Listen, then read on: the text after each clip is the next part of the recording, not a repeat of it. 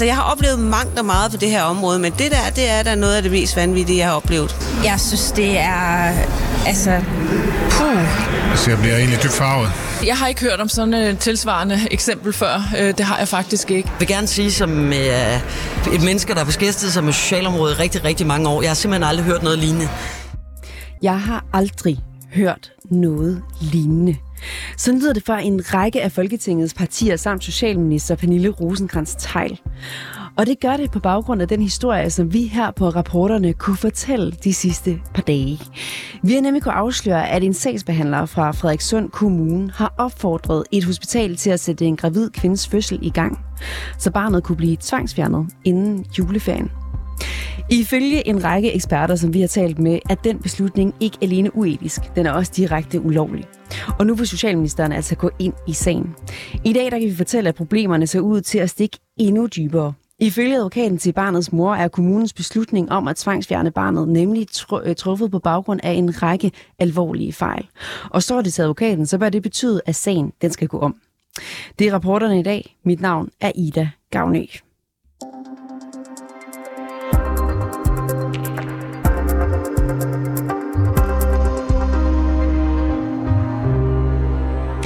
Onsdag der blev 26-årige Sofie Dalgaards nyfødte søn tvangsfjernet fra hende.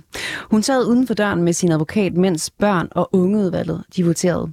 Og da de kom ud med afgørelsen, der blev hendes søn tvangsfjernet med øjeblikkelig virkning.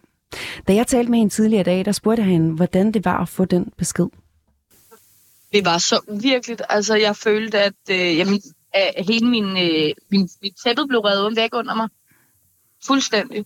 Jeg øh, var i chok og, og kunne egentlig ikke rigtig reagere i sekunder, for jeg havde bare sådan, jeg håbede jo på, at, at de kunne se fornuften i, hvor meget der var galt i den sag.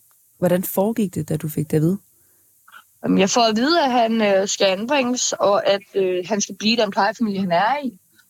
Og at, han, øh, at vi har en genbehandlingsfrist på tre år. Og så slutter mødet egentlig. Øh, og så beder vi om at få et øh, ekstra møde med øh, den teamleder, der har deltaget for at, for at få afklaret på, hvornår kan jeg i det mindste få lov at se ham første gang. Hvornår kan du så det? Det skal jeg ned og gøre i dag. Okay. Hvad sker der lige efter, at den her melding den kommer?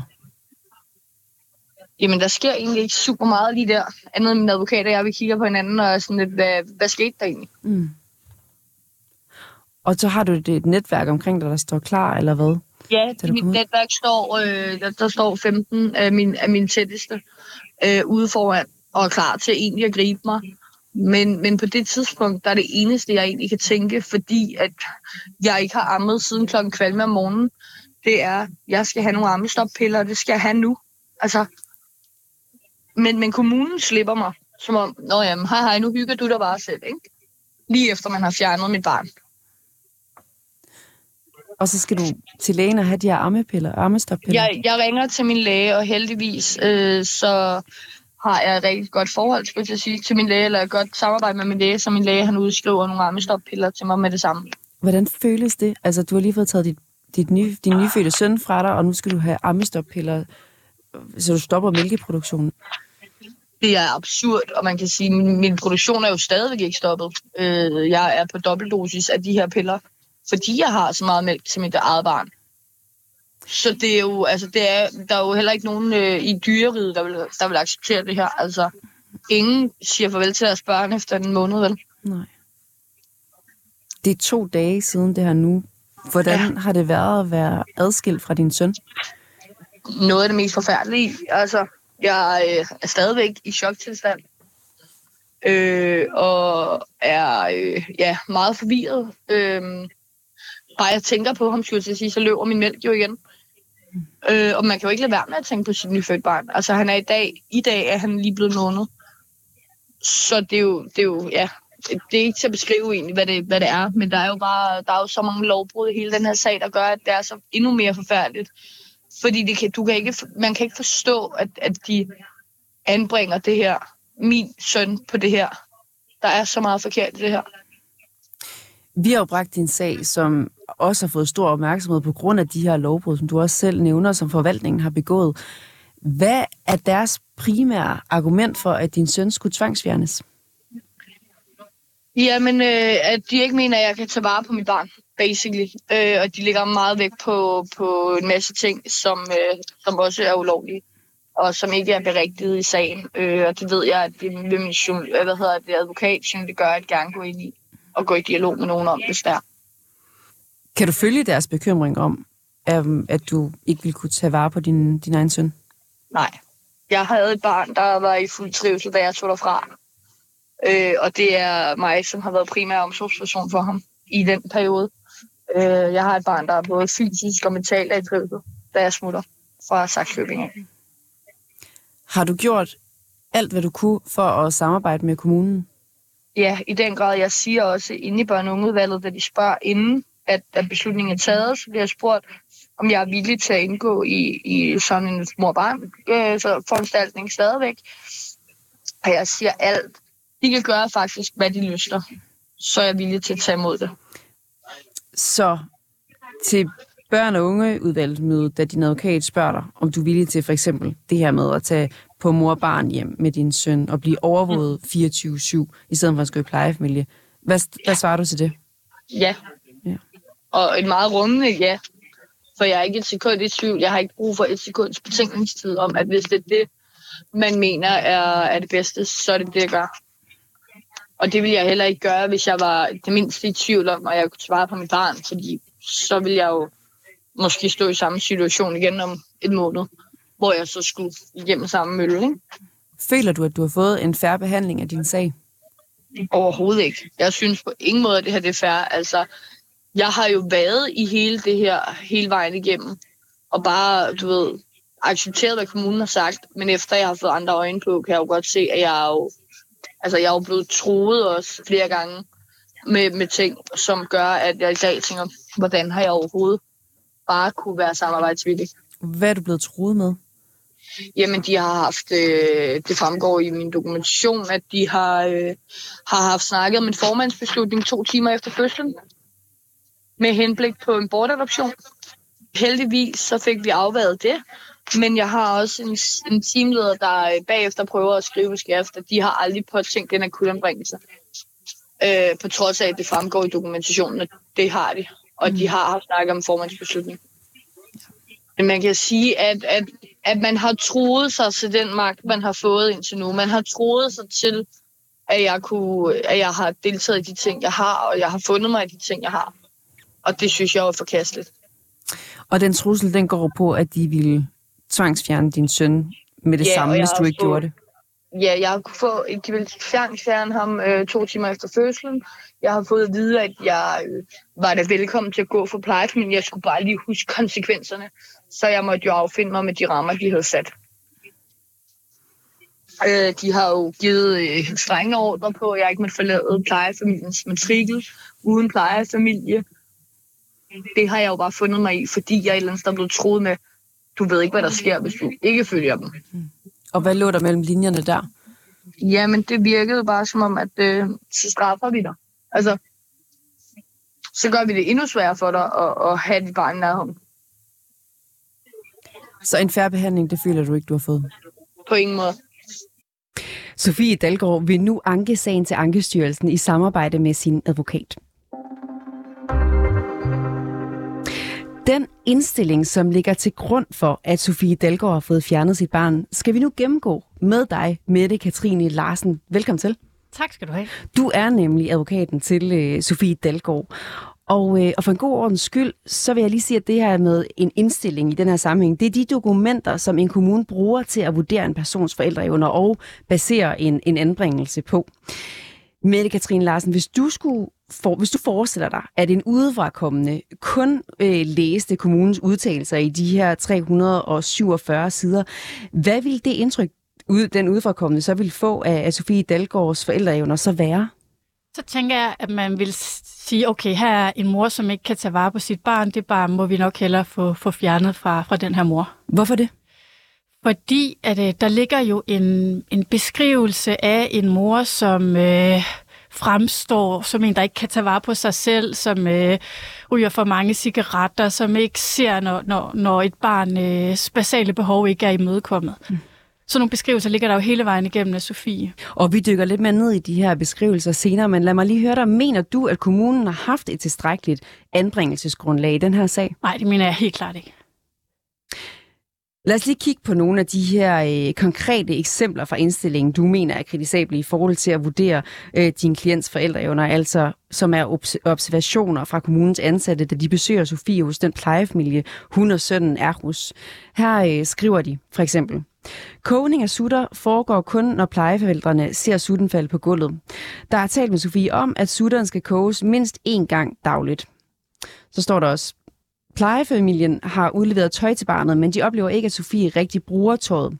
Sofie har en enkelt gang givet barnet et sæt tøj på, som plejefamilien har givet Sofie, og gav udtryk for, at det var et sødt sæt.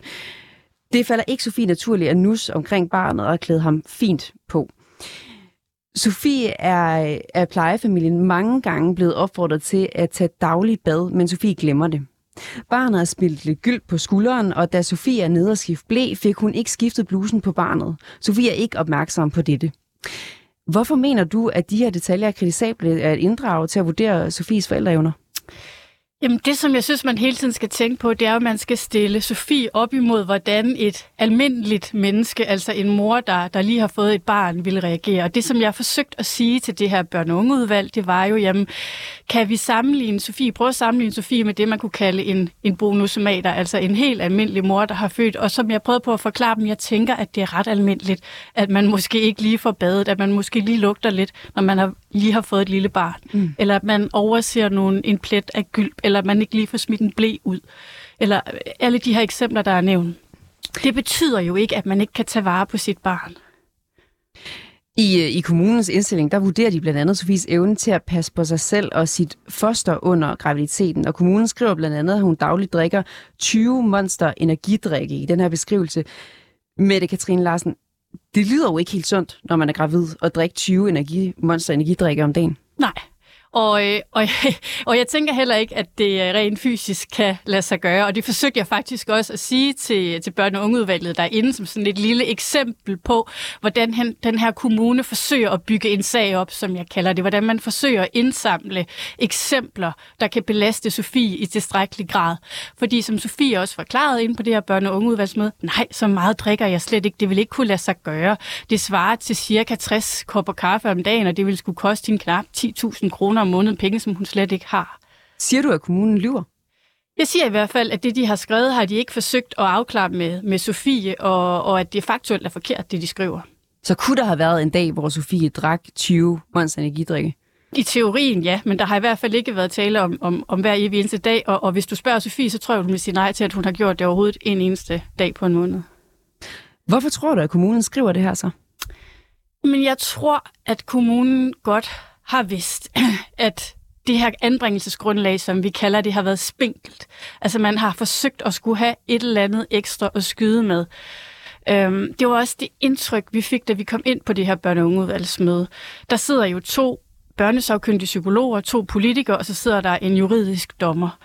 Og de her to psykologer, de skød ret kraftigt på Sofie, netop med det her, som vi var inde på omkring bonusmater, eller det, der blev spurgt ind til, var, øh, der står i papirerne, at du har overset øh, en plet gylp på, på din søns tøj. Kan du ikke godt se det problematiske i det? Eller der står, at du har, har ikke har fået din blæer smidt ud. Kan du ikke godt se, at, at så kan det være svært at være egnet som mor? Det, det er usædvanligt at psykologer på den måde sidder og skyder. Det får jo mig til at sidde og have en fornemmelse af, okay, man forsøger faktisk at samle til bunke her, ligesom eksemplet med de her monsterdrik. Sagsbehandleren fremhæver også, at Sofie under sin graviditet ryger 20 cigaretter om dagen, og at det er skadeligt for fosteret. Kan det ikke godt give god grund til bekymring fra kommunens side, at Sofie ryger 20 cigaretter om dagen? Jo, og Sofie blev også spurgt ind til det her, og Sofie forklarede også, ja, jeg har røget, men jeg har også skåret kraftigt ned for, på mit forbrug af cigaretter. Og så kan man sige, ja, hvis der så var en mor, der røg 20 cigaretter om dagen under sin graviditet, betyder det så, at hun ikke kan være mor for sit barn? Det tænker jeg ikke, det gør. Men som et samlet billede af alle de her små ting, kunne det så betyde, at, at det faktisk vil være en, en uegnet mor? Det, man jo hele tiden skal gøre, det er, at man skal holde op imod, hvad der står i lovgivningen. Og det, der står fuldstændig kort, det er, at der skal være en åbenbar risiko for, at barnets skade, der vil lide skade på barnets sundhed eller udvikling som det ene, og så, at der skal være en begrundet formodning for, at man ikke kan løse det med støtte i hjemmet. Og for sådan at sige det på, på dansk, så, øh, så betyder det jo, at, at Sofie, hvordan skal man næsten bedst formulere det, Sofie forklaret på det her børn- og ungeudvalgsmøde, jeg vil gøre alt, hvad der skal til. Jeg vil gerne tage på et mor-barn hjem. Jeg vil gerne tage imod støtte og hjemmet. Og derfor mener jeg ikke, at betingelserne er opfyldt, når vi sidder med en mor, der siger, jeg vil faktisk godt gøre alt det her, som I forlanger af mig. Der står også i materialet, at Sofie har svære psykiatriske problematikker, som kræver længerevarende psykiatrisk behandling. Er det ikke et argument for at tage barnet? Jo, hvis det så var rigtigt. Men det man jo så skal, skal spørge sig selv om, det er, hvem har vurderet det? Øhm, den her indstilling, som kommunen har lavet, altså den her beskrivelse af, hvorfor de mener, at der er et anbringelsesgrundlag, der er det sagsbehandler, der skriver det. Altså det er jo en medarbejder med en socialfaglig uddannelse, der vurderer det. Det er jo ikke en psykolog eller en psykiater, og der er jo ikke noget i Sofies papir, der støtter op omkring, at det skulle være rigtigt. Kommunen bruger jo også som argument, at Sofie allerede har to anbragte børn, fordi hun ikke, de skriver altså som formulering, kan varetage deres omsorg er det ikke et stærkt argument? Det kunne det jo være, men så skal man jo også kigge på, hvorfor er de her to andre børn så blevet anbragt. Øhm, forud for, at, at børnene blev anbragt, der lavede man jo det, der hedder en forældrekompetenceundersøgelse, altså en psykologisk undersøgelse af Sofie. Det gjorde man i 2018, og den pegede på, at Sofie godt kunne tage vare på sit barn, og derfor blev de her børn heller ikke anbragt. Så går der tre år, så kommer vi frem i december 2021, hvor, hvor Sofie er udsat for et overgreb, og hvor Sofie er bange for sine børns sikkerhed. Så derfor så siger hun til kommunen, vi ikke godt hjælpe mig, og hun lader sine børn frivilligt anbringe. Der går jo tre år her, knap tre år, hvor hun har børnene hjemme hos sig, efter man har lavet den her psykologiske undersøgelse. Det glemmer man jo at tage med som det ene. Og det andet er så, at der ligger øh, nogle psykologiske, eller der er nogle eksperter omkring de her ældre børn, som har sagt, vi ved faktisk ikke, om de vanskeligheder, som de har i dag, om det skyldes forhold hos Sofie, eller det er nogle iboende vanskeligheder hos børnene, altså noget, der er medfødt hos dem. Men der mener kommunen jo så, at, at det er Sofies skyld, at de her børn måske, måske ikke er behandlingskrævende i dag. Er der nogen af de her argumenter, som kommunen bringer til bord, som giver anledning til at tvangsfjerne barnet? Nej, det tænker jeg ikke. Ikke et eneste? Ikke et eneste, nej. Når du kigger samlet på den her sag, hvad mener du så om kommunens øh, grundlag for at tvangsfjerne det her barn? Jamen, jeg mener, det er, er, er fuldstændig grotesk, det her. Jeg mener, det er fuldstændig grotesk, at det i dagens Danmark kan forekomme, at vi kan tvangsanbringe et barn, når der ikke er et anbringelsesgrundlag. Mette Katrine Larsen, som altså er advokat til Sofie Dalgaard. Tak fordi, at du kunne være med.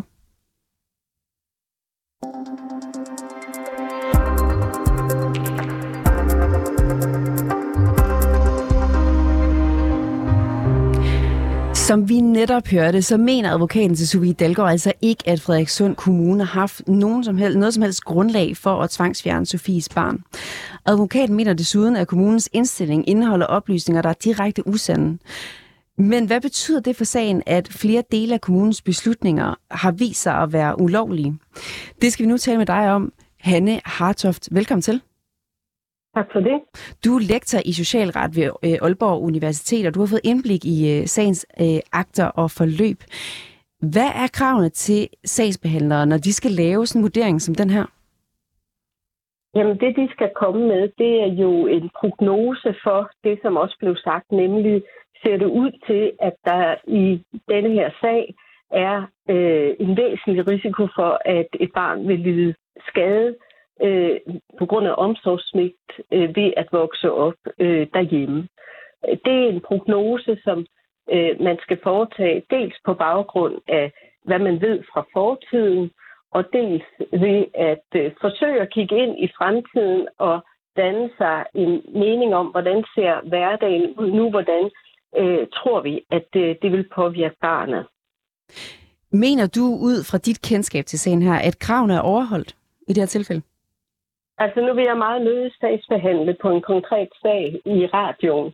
Så jeg, jeg er mere nødt til at, at tage det den vej rundt og sige, at når man skal lave en øh, indstilling i en så vigtig sag, så skal man både øh, tage de øh, problematikker frem, øh, som er øh, i hjemmet, og man skal også øh, se på de ressourcer, der måtte være øh, hos de pågældende forældre her, øh, moren. Og det er nødvendigt, at man har den tilgang til det, fordi ellers så kan man ikke få klart belyst, om situationen egentlig kunne løses ved, at man lavede nogle foranstaltninger i hjemmet. Og det er jo udgangspunktet, at det er det, man skal gøre. Hanne Hartoff, vi har jo tidligere konstateret her på programmet, at øh, sagsbehandlerne blandt andet har brudt loven ved at forsøge at få en fødsel i gangsat, og også sætte ulovlige restriktioner op for mor og barn, inden der overhovedet var truffet en afgørelse i sagen. Kan en kommune begå den her type lovbrud, uden at det påvirker sagens udfald, så den for eksempel skal gå om? Altså, det er sådan, at øh, på en måde kan man godt sige, at man kan slippe afsted med mange fejl og mangler i sagsbehandling, uden at det har nogen konsekvenser for kommunen. Og det kan man måske godt være øh, negativt øh, overrasket over. Øh, og når jeg siger det, så er det fordi, at man har simpelthen i vores øh, retssamfund indrettet sig på den måde, at øh, den, ty- den, den type af fejl, som kan, øh, kan få den virkning, at en sag skal gå om, de skal øh, have en bestemt karakter. De skal nemlig være fejl, som har været egnet til at få indflydelse på sagens endelige afgørelse. Og, og det har, kan man sige, den type af fejl, der øh, ser ud til at være begået, sådan set ikke. Men mindre altså, og det er selvfølgelig en væsentlig pointe, at man står tilbage med det indtryk, at øh, sagen er så dårligt oplyst, at øh, kommunen ikke har levet op til det princip, der gælder for, at sagen skal oplyses tilstrækkeligt til, at man kan træffe en afgørelse. Kommunen informerer flere gange moren om, at barnet vil blive taget ved fødslen. Blandt andet i, i den her formulering tre måneder før fødslen, Lad mig lige næsten højt. Sofie bliver gjort bekendt med, at Center for Familie og Rådgivning påtænker en anbringelse af baby ved fødslen, og at en plejefamilie ved fødslen overtager babyen, øh, og at de vil få øh, samvær en gang om måneden. Det står altså sort på hvidt, at kommunen vil tvangsfjerne barnet straks efter fødslen. Men få dage efter, at de beder hospitalet om at sætte fødslen i gang, så, øh, så de kan tvangsfjerne barnet inden jul, så trækker de i land. Der er pludselig ikke grundlag for en øh, akut anbringelse her. Er der noget ved det her forløb, du finder risikabelt? Jeg vil sige, at de her sager er jo generelt vanskelige af forskellige grunde. Men det vil ikke afholde mig fra at sige, at jeg synes, det er uprofessionelt, øh, at man øh, lægger op til øh, over for en mor, at øh, barnet skal akutanbringes, og så finder ud af, at det øh, har man alligevel ikke grundlag for. Og det er uprofessionelt, fordi at opgaven er jo at øh, beskytte både barn og mor bedst muligt. Og det vil sige, at øh, her skaber man øh, i stedet for øh, en øh, uro og bekymring øh, i stor stil. Øh, og det, det er øh, uprofessionelt. Men det er ikke det samme som at kommunen har lavet en fejl, som de for eksempel skal betale en erstatning for.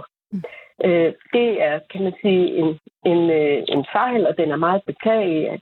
Jeg kalder den uprofessionel, men det er altså ikke noget, man får en godtgørelse for, eller øh, at de skal betale en erstatning for. Hvornår må man øh, akutanbringe et barn? Det må man, øh, hvis der øh, i efter fødslen øh, er situationer, hvor at barnet øh, er i fare, øh, mens at det er øh, sammen med sin, sin mor eller sin mor og far. Moren nævner flere gange til børn- og ungeudvalgsmødet, at hun vil gøre alt for at beholde sin søn. Øh, og hun vil også komme på morbarn hjem, eller få støtte eller behandling i hjemmet. Kan en sådan udmelding her have betydning for, hvorvidt der træffes afgørelse om, at et barn skal anbringes eller ej? Ja, sådan et standpunkt har øh, afgørende betydning eller kan i hvert fald have afgørende betydning, fordi det er jo sådan, at øh, det, man skal sætte i værk, det skal være det mindst indgribende, men samtidig selvfølgelig det, der er tilstrækkeligt til at løse øh, de problematikker, der måtte være. Og øh, derfor så er det, øh, hvad skal man sige, normalt, at det er afklaret og belyst, om det vil være øh, tilstrækkeligt med et mor-barn-ophold. Øh, fordi så skal man vælge det i stedet for at øh, anbringe barnet. Hanne Hartoft, som altså er lektor i socialret ved Aalborg Universitet. Tusind tak, fordi du kunne være med i dag. Selv tak.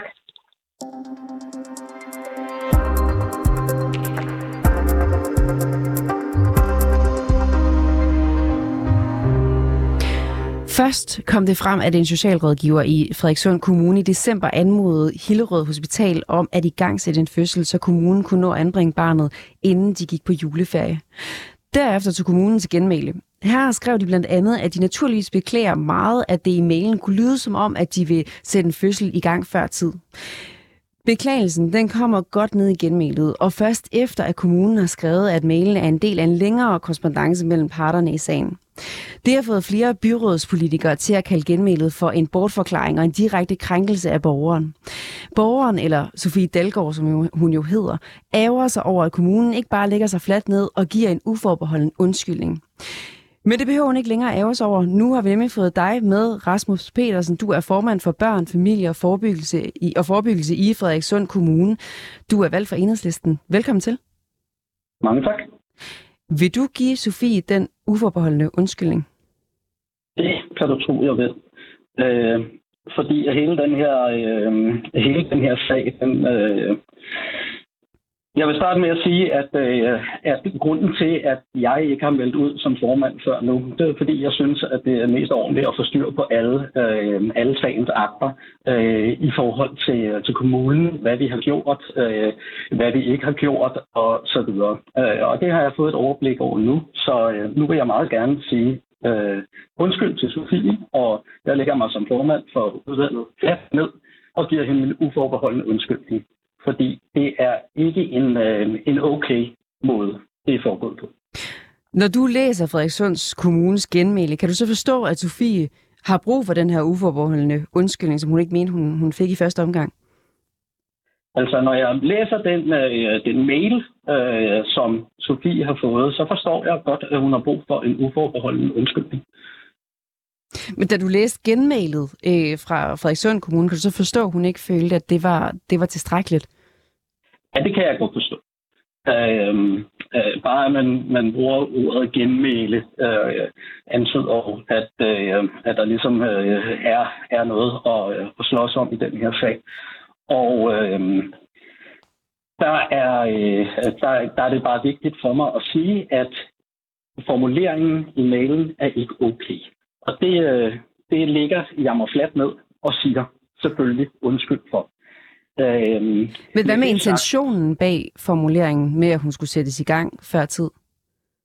Ja, altså med det sagt, så har jeg jo øh, haft det privilegie at, øh, at være en del rundt i øh, CFR, Center for Familie og Rådgivning, Øhm, og jeg vil sige, at det, jeg møder, det er ikke, øh, det er ikke den, øh, den rå arbejdskultur, som der er nogen øh, bliver nævnt. Jeg møder nogle dedikerede medarbejdere, som bekymrer sig dybt om at gøre deres arbejde ordentligt. Og er det en fejl at sende mailen? Ja, øh, det er det. Den skulle øh, ikke have formuleret, været formuleret sådan. Der skulle ikke have været øh, spurgt ind til igangsættelsen på den måde. Men formuleringen eller ej, der var jo en intention om at få hende sat i gang før juleferien, fordi at, at øh, medarbejderne skulle på juleferie? Jeg øh, vil ikke gå ind og kommentere sagen i detaljer, fordi at det netop er en personsag. Men jeg kan Vi har ellers meget... talt med Sofie, og hun siger, at øh, I har fra hendes side fuld fuldmagt til at udtale jer i sagen. Ja, så der ligger ikke nogen hindring der i hvert fald? Nej, der mener jeg jo, at øh, altså for det første, så den fuldmagt har jeg fået på en sms fra øh, en af jeres journalister, Øh, det kan man så diskutere, om det er, det er ordentlighed, så noget skal, skal igennem øh, e-boks og så videre, i igen for at sikre borgerens rettigheder. Og så lige meget, hvad jeg har fået fuldmagt til at udtale mig om, øh, Sofie, så vil jeg stadigvæk beholde mig til, at jeg synes, det er mest ordentligt ikke at stå i, øh, i, i, i et medie og diskutere en borgers enkeltsag, specielt på sådan et alvorligt område som det her. Jamen, når netop det er så alvorligt et område, hvorfor så ikke øh, tale ordentligt om, hvad det egentlig er, der er sket? Altså fortjener Sofie ikke det? Men det vil jeg meget gerne tale ordentligt om, og der er jo en grund til, at, øh, at jeg har ventet med at udtale mig, indtil jeg havde sagen fuldstændig på plads, så jeg kunne danne mig et overblik. Og det synes jeg jo også er ordentlighed, ikke bare at udtale mig i forhold til noget, jeg tror. Læs du genmailet igennem, inden at det blev sendt ud? Øh, nej. Vi har i dag modtaget en udtalelse fra øh, Julie Becker, som er direktør for opvækst, uddannelse og kultur i Frederikssund Kommune. Det er også hende, der er citeret i det oprindelige genmæle, og i det der skrev hun, at mailen er taget ud af en længere dialog mellem kommunen, hospitalet og, og moren.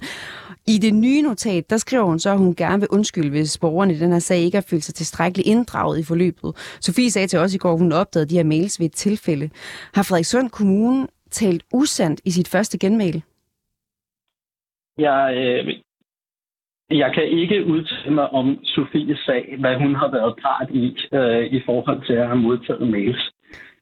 Men når du hører det her, du hører Sofie sige, hun har ikke været inddraget i det her, og du har læst det første genmail, og nu er der så kommet et nyt. Altså har Frederikssund Kommune talt usandt? Det, det, er jo utroligt, det er utroligt heldigt, uheldigt, hvis man som borger har, øh, øh, ikke har følt sig inddraget nok i sin sag.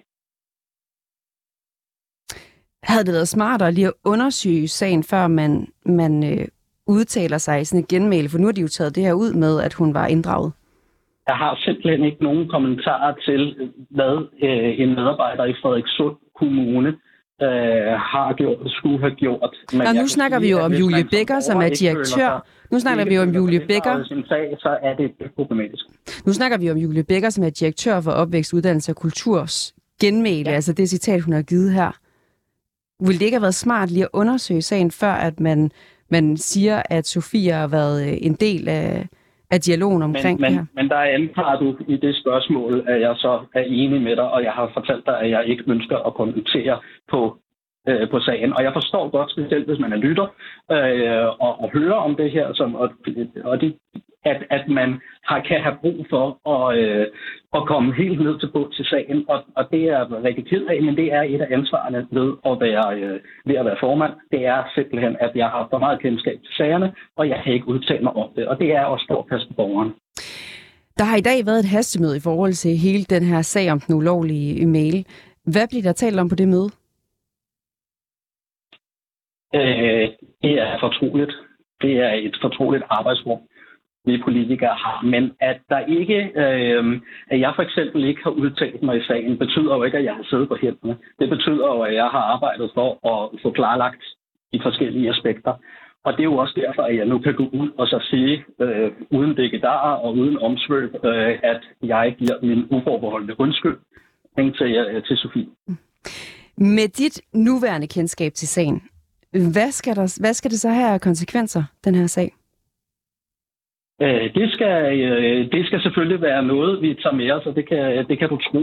Øh, der, er, øh, øh, der har virkelig været, været gang i, øh, i både forvaltning og politikere, som man også kan se i medierne, og vi skal selvfølgelig tage det her med videre og, og diskutere, hvordan, hvordan sikrer vi, at, at, at borgerne får den bedste behandling, som vi overhovedet kan tilbyde. Men hvad synes du, det skal have af konsekvenser? Er det trygt for borgerne, at vi har sagsbehandlere, der behandler borgere på den her måde? Øh, jeg synes, at det vil være problematisk, hvis jeg som øh, politiker, uden noget som helst form for personaleansvar, gik ind og tog en ledelsesmæssig rolle og pegede på øh, enkelte medarbejdere, som øh, så, hvor der skulle ske konsekvenser for. Øh, det har jeg slet ikke tænkt mig at bevæge, bevæge mig ind på. Øh, der er et armslængdeprincip, som vi som politikere skal respektere. Rasmus Petersen, formand for Børn, Familie og Forebyggelse i Frederikssund Kommune, øh, og som jo er, er valgt for, for enhedslisten. Tak fordi, at du kunne være med i dag. Det var så lidt.